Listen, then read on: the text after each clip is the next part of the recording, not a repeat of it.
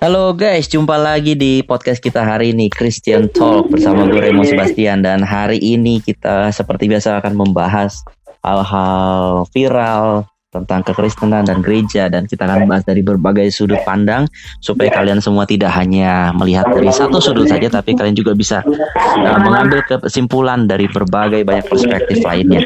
Dan sudah bersama gue hari ini sudah ada narasumber ada Kogeri dan ada Markus. Halo Kogeri Markus. Shalom, shalom. Ya, hari ini kita masih dalam bahas satu tema besar nih. Kita lagi bahas antroposentris versus teosentris. Berpusat sama manusia atau berpusat sama Tuhan. Nah, kita hari ini mau bahas tentang kasih Allah versus manusia berharga. Waduh, ini versus versusan nih. Kasih Allah versus manusia berharga. Nah, uh, saya mau ke ini dulu deh, ke Kogeri. Koger, Koger, halo. Halo, halo. Koger, ini masalah ka kasih Allah versus manusia berharga nih Koger. Ah. Ini mana yang benar sebenarnya Koger? Kasih Allah yang besar atau manusianya yang begitu berharga atau begitu penting? Nah, sebenarnya harusnya jangan dikasih uh, tunggalan versus. Hmm. Terus gimana? Menurut saya lebih tepat kasih Allah dan manusia memang berharga. Jadi manusia itu manusia memang berharga. Ya, berharganya karena diciptakan berupa gambar kan. Oh, Oke. Okay. Nah, tapi tujuannya itu ya untuk menyatakan kasih Allah. Hmm. Jadi kalau kita bikin versus, nanti seperti itu seperti dipisahkan bahwa apakah manusia lebih berharga atau kasih Allah lebih besar gitu kan. Nah, itu menjawab pertanyaan gitu biasanya orang suka pakai ayat Yohanes 3 ayat 16 nih Koger. Iya. Ya, karena kan, itu kan karena begitu besar kasihnya Allah kan, bukan karena begitu Betul. berharganya manusia. Betul. Nah, itu gimana nih Koger? Nah, makanya kalau tadi kita jadiin versus, orang jadi berpikir bahwa mana yang lebih besar gitu kan. Hmm. Tapi kalau kita nggak kita hilangkan kata versusnya itu, kita jadi melihat keseluruhannya bahwa memang manusia berharga sesuai dengan gambaran awalnya Tuhan ciptakan. Hmm. Tetapi jangan lupa bahwa kasih Allah lah yang mau dinyatakan. Gitu. Hmm. Jadi bukan bukan berarti manusia berharganya lebih besar daripada kasih Allahnya gitu. Jadi manusia itu sebenarnya bukan siapa-siapa, bukan apa-apa ya. Iya, manusia jadi kan manusia nggak ber, nggak berharga juga dong kalau gitu ya kok gimana tuh kok? Nah iya jadi serba salah. Jadi orang jadi mikirnya nanti kan bisa bisa berharga bisa nggak berharga ya. Kan? Nah. Kok jadi sama kayak kayak hamba Tuhan yang pergi ke kutub utara buat doain covid hilang. Nah, nah itu ya, itu gimana tuh? Itu gimana tuh? Jadi di, di kasih Allah sama manusia nih gimana nih hubungannya nih? Sampai bisa masuk buku agama lo itu iya masuk buku agama. Sebutin gerejanya nggak? Jangan. Jangan pak. Nanti saya diblokir lagi pak. Kan udah kawin bro. Aduh berat deh. Saya disclaimer dulu ya saudara-saudara ya. Tapi ini benar masuk buku agama itu benar. Ada buku pendidikan agama kelas 10 SMA Itu iya. benar-benar benar. Memang ada bahasan tentang si hamba Tuhan inilah ibaratnya. Hamba Tuhan itu ke kutub utara Iya, makan daging paus, daging beruang. Serem juga ya, ya, beneran ya? Iya. Wih, sugoi sekali. Nah, terus jadi ini hubungannya sama kasih Allah sama gimana nih jadinya?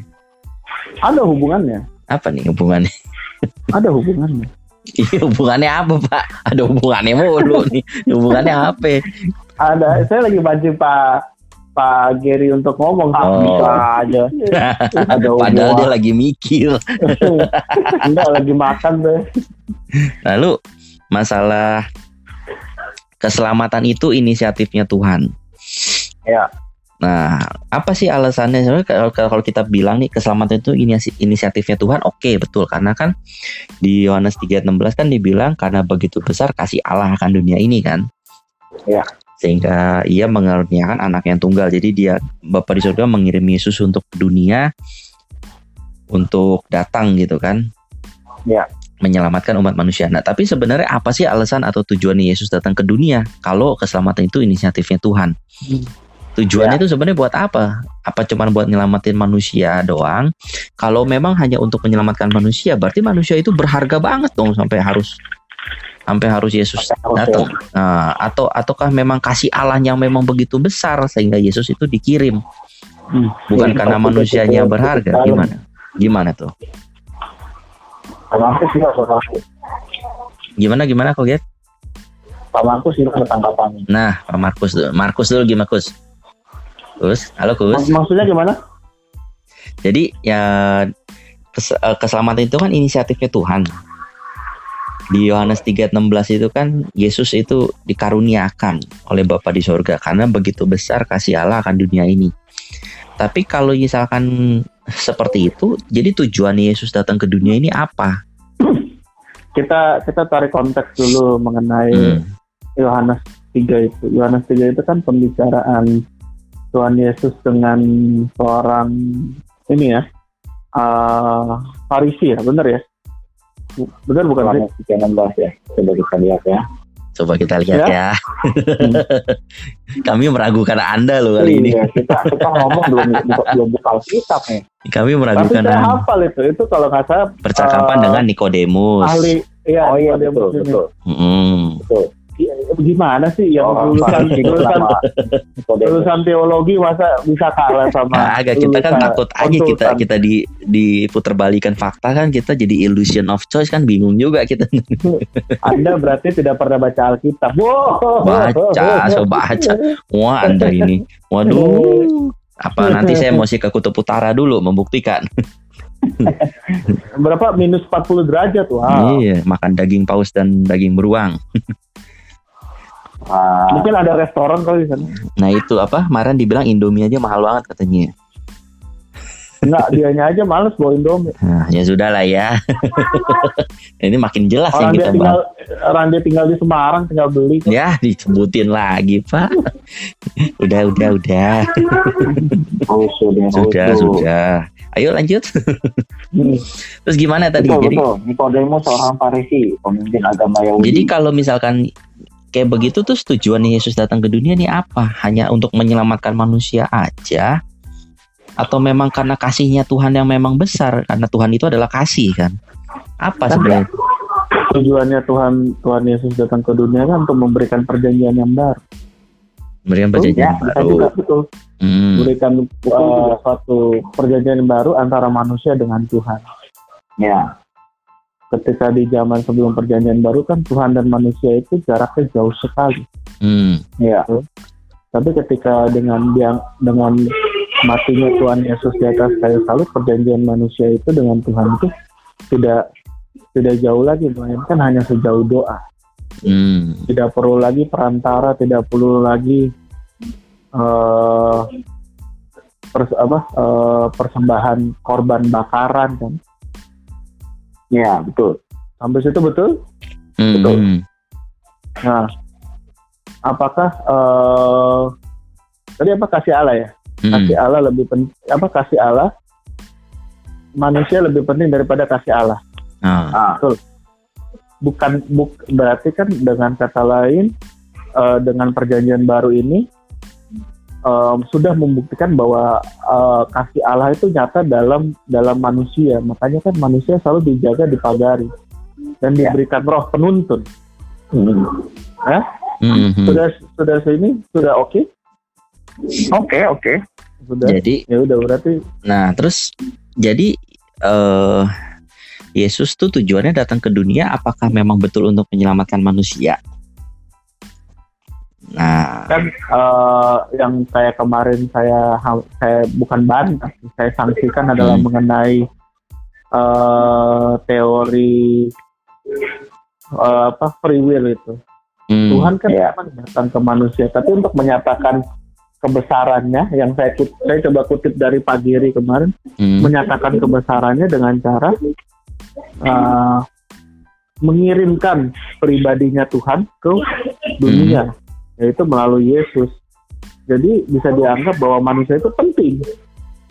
Pentingnya, manusia itu penting dalam arti dalam arti Tuhan memberi memberikan memberikan apa memberikan pribadinya sendiri untuk menghilangkan jarak antara manusia dengan Tuhan. Hmm, nah kalau kayak begini, apakah statement di episode kita yang sebelumnya dibilang bahwa manusia itu lebih penting dari surga itu betul? Enggak. Kenapa? Kenapa surga lebih penting dari apa? Manusia, manusia lebih, penting, penting dari surga. Surga itu kan, surga itu kan sudah ada. Apa yang mau diperbaiki? Sedangkan semua hmm. yang baik hmm. ada di surga. Hmm. hmm apa yang mau diperbaiki? Jadi memang man, Yesus itu datang itu untuk menyelamatkan manusia karena bukan karena begitu pentingnya manusia kayaknya ya harusnya. Bukan, karena besar kasih kan. Karena kasihnya Tuhan yang besar kan. Ya. Nah, ini gimana Markus? Jadi manusia itu penting apa enggak? kan definisi penting itu kan uh, hmm penting itu bagaimana sih? Sedangkan Tuhan kan selalu bilang bahwa manusia adalah ciptaan yang sempurna kan? Mm. Ciptaan yang baik, sangat sangat baik, teramat baik. Mm. Penting ya, berarti penting gitu. Tapi pentingnya bukan karena bukan karena dikaitkan dengan apa? Dengan surga. Mm. Tapi memang manusia itu penting apa adanya. Pentingnya bukan mungkin karena, karena ini ya, mungkin penting itu karena memang kasihnya Tuhan yang besar. Iya. Jadi manusia itu di, dilayakkan untuk jadi penting gitu kan? Iya betul.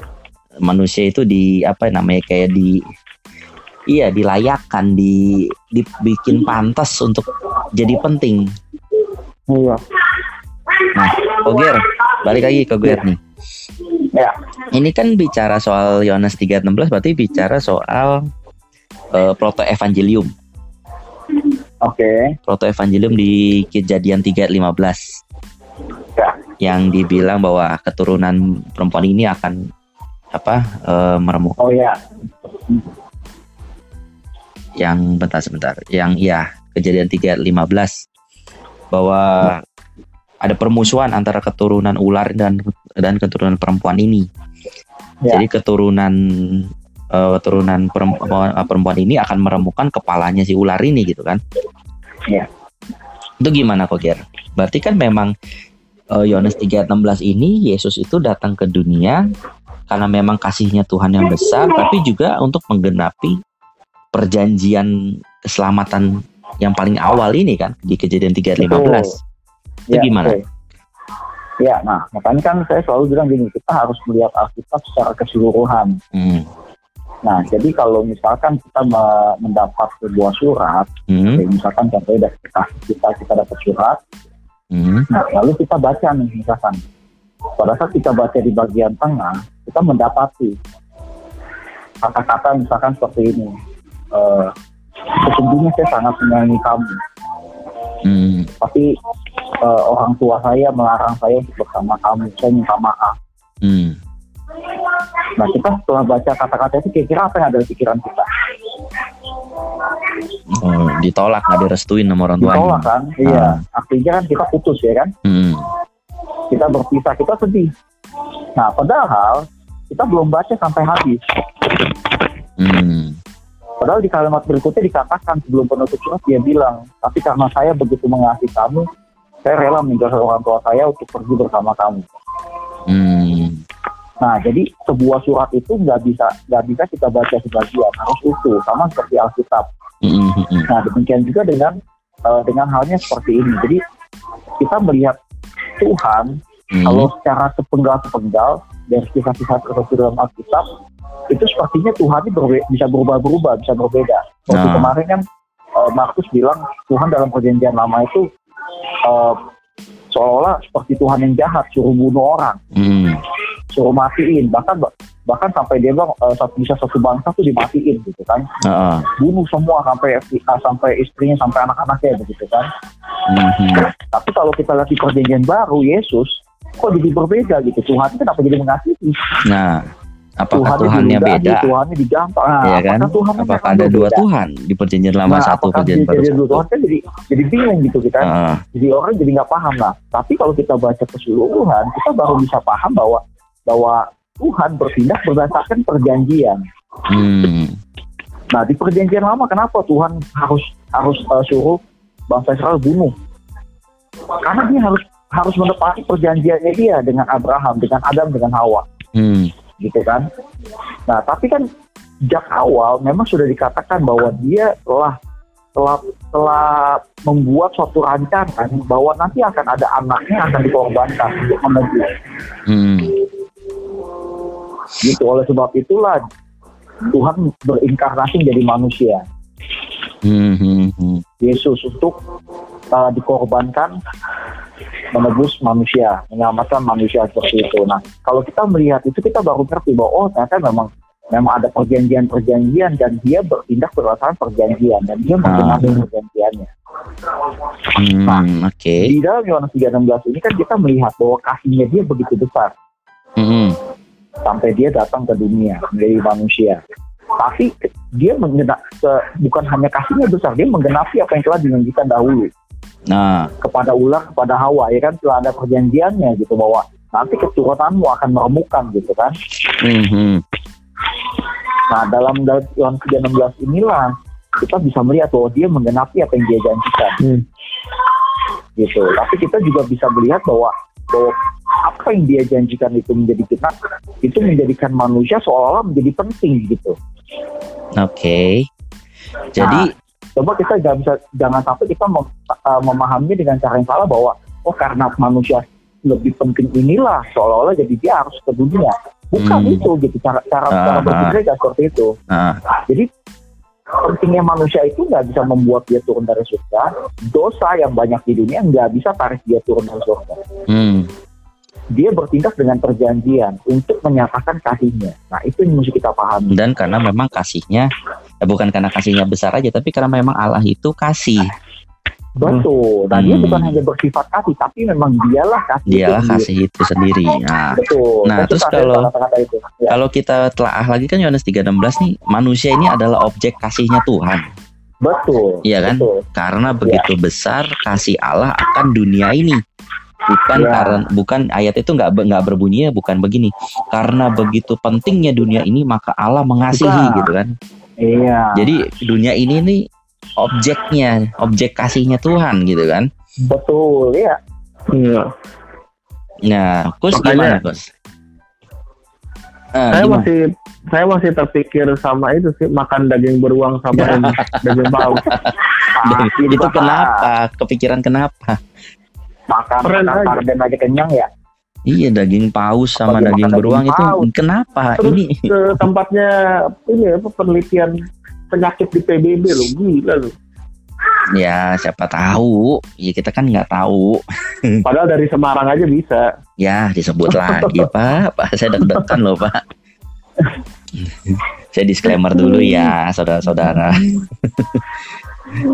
Bukan ya? Nah terus? supaya kita jadi jadi hmm. Orang dewasa ya kan ya nah itu kan masalahnya gini karena begitu besar kasih Allah kan dunia ini jadi kan yang apa ya, yang membuat kita berharga itu bukan human effort kan, bukan usaha kita. Betul, ya. Tapi karena tapi, usahanya dia gitu, usahanya Tuhan. Tapi kebanyakan kebanyakan orang menganggap Tuhan lebih senang kalau kita berbuat menyenangkan hati Kebanyakan ya, orang menganggap seperti itu. Betul. Hmm, gimana? Sebut aja gerejanya G. Ya. Oh, bukan, ya. bukan sampai keselak loh pak. Ya, Jangan pak, nanti saya, saya udah keselak loh. Gereja GBZ ya, GBZ. G, GB, GBZ, G, GB, GB, GBT. Apa lagi? Pokoknya ada lah ya gitu ya. Itu memang emang ada ajaran kayak gitu. Nah, itu gimana tuh ajaran-ajaran kayak gitu tuh? Ayo. Straight to the hell. Strike to the hell. Udah ngomongnya. Ini ya, strike banget loh ini. Strike to the hell. Ya, wow. Kalau kalau kalau Markus dia orang hukum sih ya. Jadi orang dia hukum betul. Enggak enggak enggak enggak, enggak boleh palsu gitu. Kebanyakan orang kan iya. kebanyakan orang oh Tuhan baik, oh Anda mesti buang buci Anda supaya diberkati loh apa hubungannya? Ya. Buang cincin-cincin Anda, cincin-cincin yang aduh, aduh, aduh, aduh, ada isi-isinya itu gitu kan. Iya. Apalagi Jadi, buang foto, waduh. Waduh, apalagi buang komik Dragon Ball. Waduh. aduh, aduh, aduh, aduh. Jadi itu uh, banyak ya ada ada ada beberapa gereja atau hamba Tuhan yang justru me membuat orang kalau kamu mau apa ya ibaratnya kamu tuh berharga tapi kamu harus menyenangkan hati Tuhan dengan cara yang kayak begini gitu loh. Yang caranya iya. agak-agak bukan bukan ngawur sih sebenarnya ekstrim jatuhnya ya. Udah iya. sudah masuk Dan, ekstrim. tidak tepat lah. Hmm. tidak tepat lah karena kita tujuannya apa dulu nih? Kita mengasihi Tuhan tujuannya apa tujuannya apa dulu? Kan gitu kan kita mesti paham itu dulu. Mm -hmm. ya. jadi kita memang harus mengasihi Tuhan tapi dengan cara yang bijak yang pintar. Mm. kita ngasih Tuhan supaya diberkati supaya kita dijaga ya. Itu kan jadi jadi apa ya? Tidak ada bedanya kita jadi berat gitu jadi jadi kayak nyogok. Nah itu. Padahal kan tanpa itu. itu pun Tuhan mengasihi kita, Tuhan mm. memberkati kita, Tuhan menjaga kita gitu. Dan Tuhan mengasihi kita bukan karena apa yang kita lakukan ya. Enggak, hmm. akan lakukan. Tapi karena itu apa yang dia lakukan lah ya. Itu yang yang bikin kita jadi berharga jadinya. Betul. Nah, jadi saya mau bahas lagi nih yang masalah uh, di episode sebelumnya nih yang dibilang uh, Roh Kudus itu dicurahkan untuk kepentingan manusia. Nah, ini kan kita udah pernah bahas nih di episode sebelumnya. Iya. Jadi kayak kemarin tuh uh, Kogeri bilang bahwa kalimat ini Roh Kudus dicurahkan untuk kepentingan manusia. Sebenarnya bukan kepentingan manusia stop sampai situ. Harus ya, ada harus, lanjutannya. Harus detail, harus jelas. Manusia ini Jadi maksudnya uh, Roh Kudus itu dicurahkan sebenarnya kepentingannya Tuhan, tujuannya Betul. tujuannya Tuhan, tapi memang untuk uh, apa ya? Untuk untuk manusia sendiri juga gitu yang ada di, di di dunia gitu kan, karena sebagai iya. penghibur, penolong gitu kan. Betul. Jadi ya, kalimatnya tuh jangan dipotong manusia, gitu kan. Emang betul, tapi jangan sampai kita berpikirnya bahwa oh makanan manusia begitu, wah dia harus memberi. Hmm. Gitu yeah. kata-kata itu kan sangat sangat ini ya bisa iya jadi kalimatnya itu kalimatnya nggak boleh dipotong mesti lengkap ada sebab betul, ada akibat betul. Iya. Kayak tadi contoh di Yohanes 3:16 itu kan berarti sebabnya itu kan Tuhan. Subjeknya betul. kan Tuhan. Betul. Akibatnya adalah ketika Tuhan datang, Yesus datang ke dunia, kita diselamatkan, kita akibatnya adalah dijadikan berharga gitu kan. Betul. Nah, betul-betul aja Pak dari tadi Pak. Gimana Kus? Enggak, saya mau dengar sore Markus nih. Kenapa? Markus dari tadi soalnya masih nge, nge ngebayangin daging daging ikan paus sama daging beruang kutub. Iya. Kenapa ngebayangin tuh, Kenapa bisa sampai kepikiran ke sana gitu? Lah. Kita kita bayangin babi Torres aja lah. saya maunya itu uh, brand nebon. Nah. Jadi supaya oh, makan di restoran di mana ada hamba Tuhan juga gitu. Oh, makan bareng sama hamba Tuhan brand nebon. Iya. Siapa hamba Tuhan? Aduh, ya? jangan jangan disebut, Pak. Jangan. Itu kan menu kesukaannya dia. Iya. Jangan disebut nama orangnya dong. Nggak enak ntar ntar, ntar mengganggu mengganggu dia makan. Apa apalagi ini cium sneaker sehat. Aduh, aduh. Nah, ini cium sneaker ini nih jadi masalah juga nih. Sebut aja pendetanya. Ayo. Jangan jangan disebut Pak, yeah. saya tadi blokir kan Pak. kita sebut di episode beberapa yang lalu. Sebut ah, enggak, enggak disebut Pak, bener enggak disebut. Bener enggak disebut, jangan. Nanti saya diblokir, besok enggak bisa bikin podcast lagi. jangan, jangan. Nah, saya mau dengar dulu nih, Kus, gimana Kus pendapatmu Kus? Gimana apanya? Kasih Allah yang besar sama manusia yang berharga yang begitu penting gimana pendapatnya? Kasih Allah yang besar dan dan apa tuh? Manusia uh, yang begitu berharga. Kalau kasih Allah kasih Allah aja udah besar, kenapa manusia begitu penting? Itu kan sudah ini. Hmm. Kenapa mesti dipisah?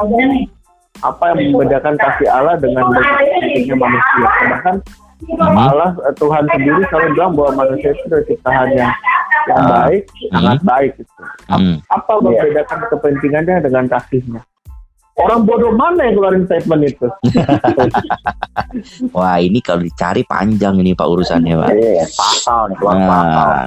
Cuman Orang masalah. bodoh mana? Kita kan bicara teori bukan nyerang personal. Hmm. Betul. Itu bicara teori loh. Soalnya dari dari kemarin ini terlalu muter-muter. Muter-muter. To the point aja. Langsung aja ya. Daging paus, daging paus sama daging beruang kutub kan. Ya, itu itu salah satu illusion of choice juga ya. Nggak, nggak, nggak bisa. Nggak bisa. Illusion of choice itu. Kamu bisa berilusi untuk memilih daging paus apa daging beruang itu. Sedangkan dia lagi berdoa di Semarang, tiba-tiba pindah loh. Nah, Oh, aduh, aduh, aduh, aduh. Itu kan Iya. tubuh astral. kita kan nggak tahu ya dia benar-benar pergi apa enggak. Nah, ini kan masalahnya nih. Pergi kok ada fotonya, ada photoshopnya. Eh, Berarti dia, berarti dia benar-benar pergi ke sana. Foto, foto, Ada Photoshop. Wah, ini panjang nih Pak. Kalau begini kasusnya panjang nih. Pakai Photoshop tuh Iya. gimana tuh? Ada photoshopnya loh. Aduh, aduh, aduh, aduh. Nah, ini Pertanyaannya dia mau ke polisi gak? ngapain ke polisi Pak? Ke polisi mau ngapain Pak? Membenarkan oh kalau saya ikut doa peperangan gue. Nah, itu kan sebenarnya kan iya. kayak gimana tuh? penting juga nih kita perlu juga nanti suatu kali mungkin kita mesti bahas tentang doa peperangan. Nah, doa peperangan ini nih yang jadi ya kita- ambil yang dari contoh kasus itu dulu deh ya. Doa peperangan soalnya- itu kan nggak ada yang tahu kan. Cuman pribadinya Betul. dia yang tahu kan. Kalau Nah. 10 tahun lalu tuh doa peperangan setiap setiap bu, eh, setiap sebulan sekali di Balai Samudra hari hari Senin. Ya, Pak Eh, hari jangan, Kamis. jangan disebut, Wah, ini pengikutnya juga nih. Jangan disebut dong, Pak. Nanti kena. ya. Podcastnya makin lama makin bahaya loh. Pakai pakai mahkota ya? Nih, aduh, gila disebut Waduh. lagi. Udah ya. saya Pakai-pakai mohon. Pak. Udah saya mohon jangan disebut lagi. Angkat-angkat tongkat, Nah. Angkat-angkat kerubin palsu. Aduh. Jadi sebenarnya Ya, sebenarnya- gimana, gimana, Ah, gimana? Jadi gini, saya nggak, saya nggak, nggak apa ya, nggak anti dengan yang namanya doa peperangan. Tapi Hmm. coba kita, kita eh, lebih apa ya, lebih sekarang gini Tuhan, Tuhan yang bilang bahwa Dia yang berperang dan kita. Hmm. Nah, terus kita dijadikan pemenang, bahkan dari pemenang. Hmm, hmm, hmm. Nah, dari situ kan sebenarnya kita udah jelas ya untuk maksudnya untuk apa lagi kita berperang. Ah, Kalau dia udah berperang, nah sekarang kalau kita mau perang nih, ya ngapain juga Tuhan perang kan kita udah perang. Nah itu itu kadang suka masih ada yang apa ya orang kan suka pakai ayat yang itu tuh eh, saya tahu dia pasti pakai ayatnya yang ini. peperangan kita bukan melawan darah dan daging. Betul. ah, Tetapi penguasa di udara. betul. Nah. Itu kayak kayak kemarin dibilang sama pendeta Kenneth Copeland tuh. Oh, ih, langsung disebut. Gimana gimana tuh? gimana Iya, gimana? bahwa COVID-19 bisa bisa dibakar dengan api api spiritual gitu. Ah, saya percaya Tuhan bisa lakukan itu. Saya percaya gitu. Tapi Hmm, tapi kita harus melihatnya lebih bijaksana lah. Kalau menurut saya ya. hmm. Apa dia dia ngomong begitu karena sudah kurang persembahannya? Kacau. Nah, Kacau. kacau. Tuh saya nggak ikut-ikut deh ya. Kalau Iya. itu saya nggak ikut-ikut tuh. Kita kita tarik Ini- tarik ini lagi lebih- yang ini kemarin ya, tarik pandangannya lagi lebih dunia nih. Ini lebih Hmm. logika Tarik lagi. banget ini pandangannya. tarik tarik lagi kemarin ke episode sebelumnya yang sama apa? Sama Sama apa? Salah satu gereja yang bikin video Bikin apa? bikin video Eh, bikin video apa ya? video khotbah Khotbah yang mana nih? Banyak nih. Iya. maintenance gereja Oh, persembahan kurang. Kurang. Nah, nah, ini untuk saudara-saudara pendengar yang mau tahu tentang persembahan kurang, kita udah bahas Ah. ini di episode kita yang paling pertama dari podcast ini. Kalian bisa cari scroll ke bawah aja. Ada di situ episode pertama kita kita bahas tentang eh, COVID-19, gereja COVID-19 dan persembahan kurang. Iya, padahal sudah dijawab sama pendeta sama pendeta Kenneth Copeland ya. Mhm. COVID-19 Bisa ditiup, detail COVID-19 bisa ditiup. Nah, ini emang- dengan api spiritual itu. Coba ini jadi jadi pertanyaan juga. Maksudnya gini, apakah betul kalau kita berdoa menolak COVID-19 itu salah? Hmm. Ya, Doanya nggak salah. doanya nggak salah. Oke, terus yang Doanya salah, nggak salah. yang salah apa? Cara mengaplikasikannya kali ya. Bukan. bukan cara mengaplikasikannya. Apa nih? Siaran langsung ke seluruh seluruh Amerika. mm -hmm. Itu salah. Siaran langsung seolah-olah ditiup begitu COVID-19 bisa hilang. Ah, jadi jadi bahan lelucon kan? Nah, iya sih. Sebenarnya mereka lebih berdoa aja diem diem aja gimana kalau nah terus kan ada ada ada ada jemaat. Mungkin karena nggak ada orang yang didorong supaya sembuh kali ya. nah ada juga kan jemaat yang berpikiran begini. oh kamu kamu nggak sembuh kamu nggak mengimani berarti kamu kurang iman. Ya ada hubungannya nah. sih kalau menurut saya ke situ sih. Hmm. itu kadang suka dijadikan senjata untuk nyerang balik tuh kayak gitu tuh. Iya oh kamu nggak kamu nggak percaya. lebih apa ya berhikmat ya, lah gitu ya ibaratnya ya. Dari dari daripada hujan hujan lagi KKR yang disalahin ininya WL-nya. Nah, itu juga jadi permasalahan yang sama itu. Iya, di Alkitab maksudnya di Alkitab itu kan kita banyak hal yang yang yang Tuhan sudah berikan melalui uh, firman-Nya gitu. Jadi pernah saya uh, dengar suatu khotbah dari seorang anak Tuhan yang luar biasa dia bilang gini hmm. dia pernah bilang gitu di, di mana ya lokasinya di mana ya Lokasinya di mana? Masih di dunia, bukan enggak. Maksudnya Kelapa Gading, Bekasi. Oh enggak, bukan. Nanti kalau saya dengar, saya bilang pasti ketebak sebenarnya. Ketebak uh, semua, ya, jangan. Ketebak. Ini ini nanti saya bilang ini pasti ketebak. Jadi uh. dia, uh, kita kita sendiri pun pasti mungkin pernah pertanyaan seperti ini. Mm. Kenapa sih Tuhan nggak nggak suatu misalnya suatu hari, suatu saat misalkan cukup dia menampakkan diri aja deh di awan-awan. Mm. Pengangkatan dong. Lah Yesus aku Tuhan, ha? Pengangkatan dong. Eh bukan, ini maksudnya nih misalkan demi menyelamatkan semua manusia nih supaya orang percaya bahwa Yesus Tuhan. Kenapa nggak tiba-tiba tuh misalnya dia nggak menampakkan diri aja terus ngomong gitu bahwa aku Tuhan ya, aku bisa menyelamatkan dunia. Hmm. Kan kalau itu terjadi maksudnya kan kita nggak perlu capek-capek, nggak perlu capek-capek ada misionaris, ah kirim pengkhotbah ke mana-mana. Saya semua orang pasti langsung, oh iya bener kan saya Yesus nah, Tuhan tuh. Nah, terus? Nampak di awan-awan semua orang lihat gitu kan.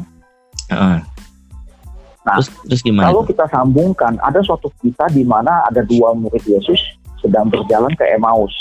Mm. Ya kan? Semua udah pasti tahu kisah ini. Di situ mm. tiba-tiba dalam tengah perjalanan muncullah Yesus. Hmm, tentu pada saat itu itu kisah itu kan terjadi setelah Yesus di uh, salibkan, dikuburkan dan yeah. bangkit, gitu yeah. kan. Tapi kan dua murid ini nih belum nge, belum tahu gitu kan. Mm-hmm.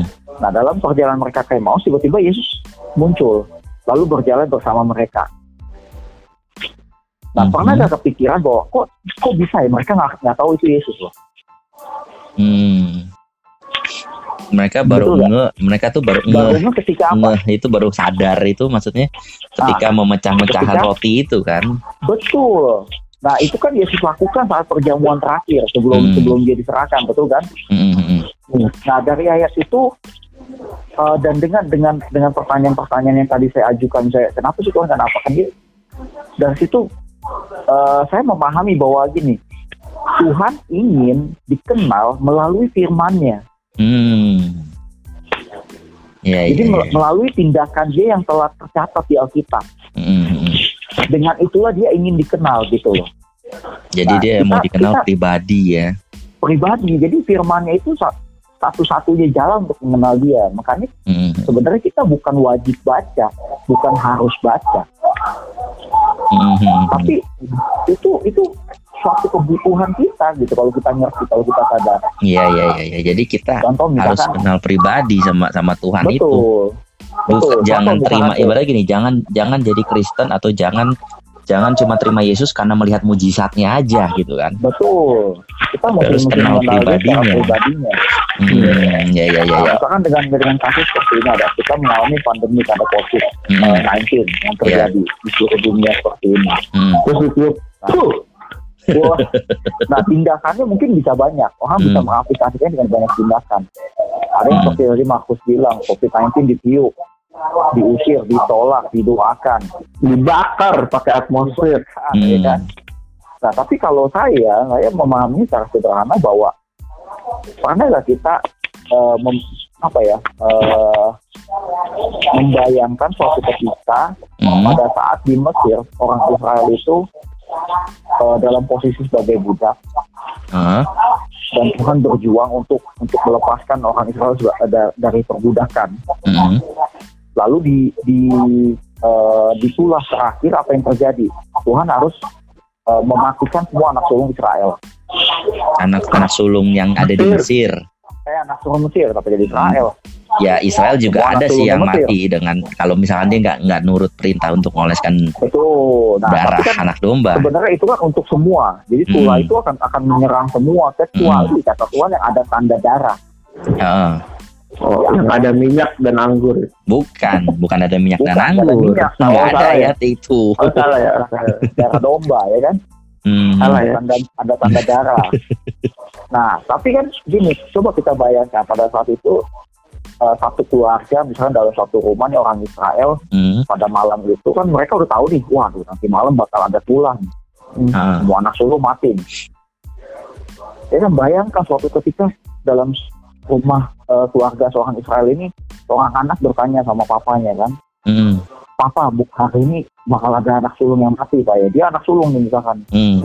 papanya iya betul anakku kata papanya. Terus anak sulung bilang kan apakah aku akan mati pak hari ini? Papanya bilang apa? Wah, ya enggak nggak tahu. Saya nggak tahu, tapi tapi Tuhan perintahkan melalui Musa, katanya suruh olesin aja di ambang pintu kita darah, maka tulah itu akan lewat. Mm terus anaknya nanya lagi papa percaya itu? Nah mm-hmm. kalau kita sebagai orang tua kira-kira seperti apa? Ya, ya percaya saja. Percaya nggak percaya? Percaya nggak? percaya nggak percaya mau gimana? Kita kita mungkin kita nggak akan pernah tahu sampai itu pula itu terjadi betul kan? Mm. nah tapi pertanyaannya gini walaupun mereka mereka percaya atau enggak mm-hmm. kira-kira pula itu menyerang rumah mereka gak? Ternyata kelas betulahnya kejadian ya rumah mereka selamat karena ada tanda selamat. darah itu entah, kan betul entah mereka percaya entah mereka nggak percaya entah di saat itu mungkin mereka lagi mabuk hmm. entah di itu mungkin mereka lagi berantem dalam rumah kita nggak tahu tuh hmm. jadi bukan masalah mereka percaya nggak percaya mereka benar atau nggak benar masalahnya ada darahnya ada perjanjian di situ gitu. iya. gitu. ada darah mereka bisa. mereka nurut apa enggak untuk mengoleskan darah Betul. itu gitu kan Betul. Nah kalau kalau saya secara sederhana hari ini buat kita yang percaya sama Yesus, mm. darahnya dia kan menjadi tanda bagi kita. Mm. Itu bahwa nggak ada satupun satu uh, apa ya nggak ada satupun uh, sesuatu yang jahat yang iblis rancangkan tuh bisa menyerang kita karena mm. kebetulan gitu. Ya ya ya ya ya. Nah kalau sampai uh, misalkan okay. terjadi pun mm-hmm. kita terkena, misalkan kita terkena, mm-hmm.